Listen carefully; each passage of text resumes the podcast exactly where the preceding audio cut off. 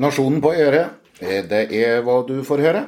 Eh, den gangen her så er det kommentator Hans Borsgaard som snakker om de uunnværlige lærerne i etterkant av lærerstreiken.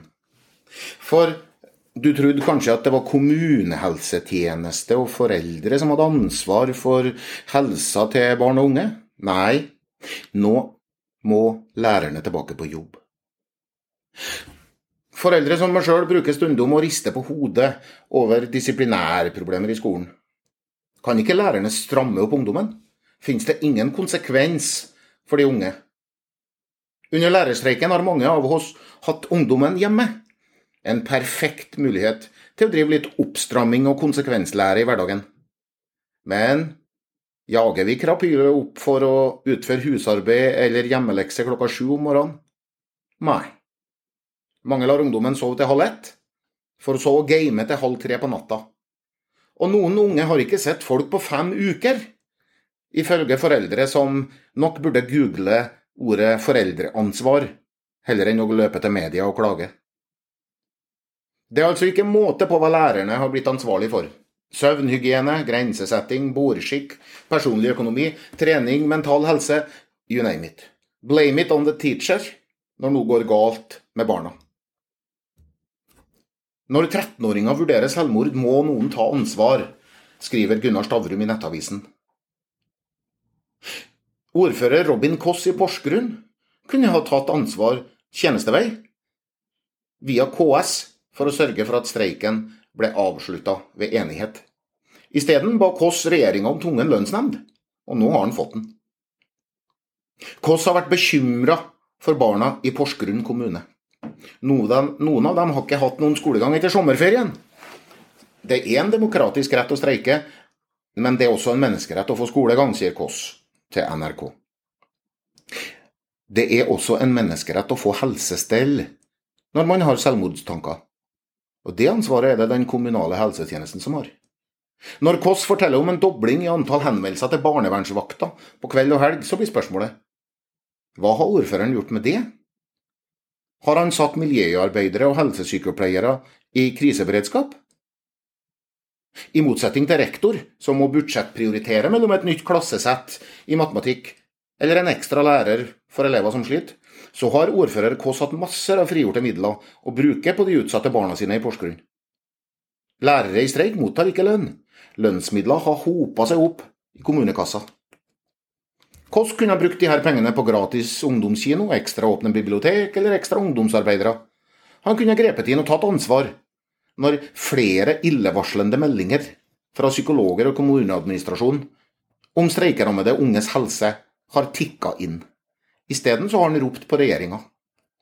Streikerett synes i det hele tatt forbeholdt menn med kjeledress i industrien.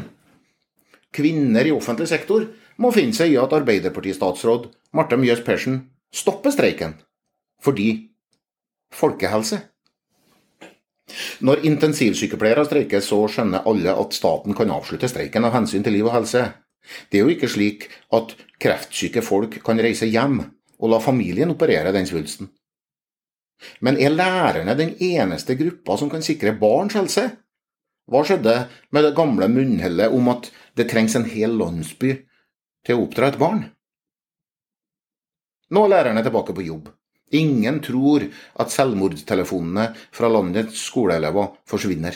Ingen tror at barn og unge i Porsgrunn får topp psykisk helse når de møter på skolen igjen. Hvem skal ordfører Kåss eller redaktør Stavrum be om å ta ansvar da?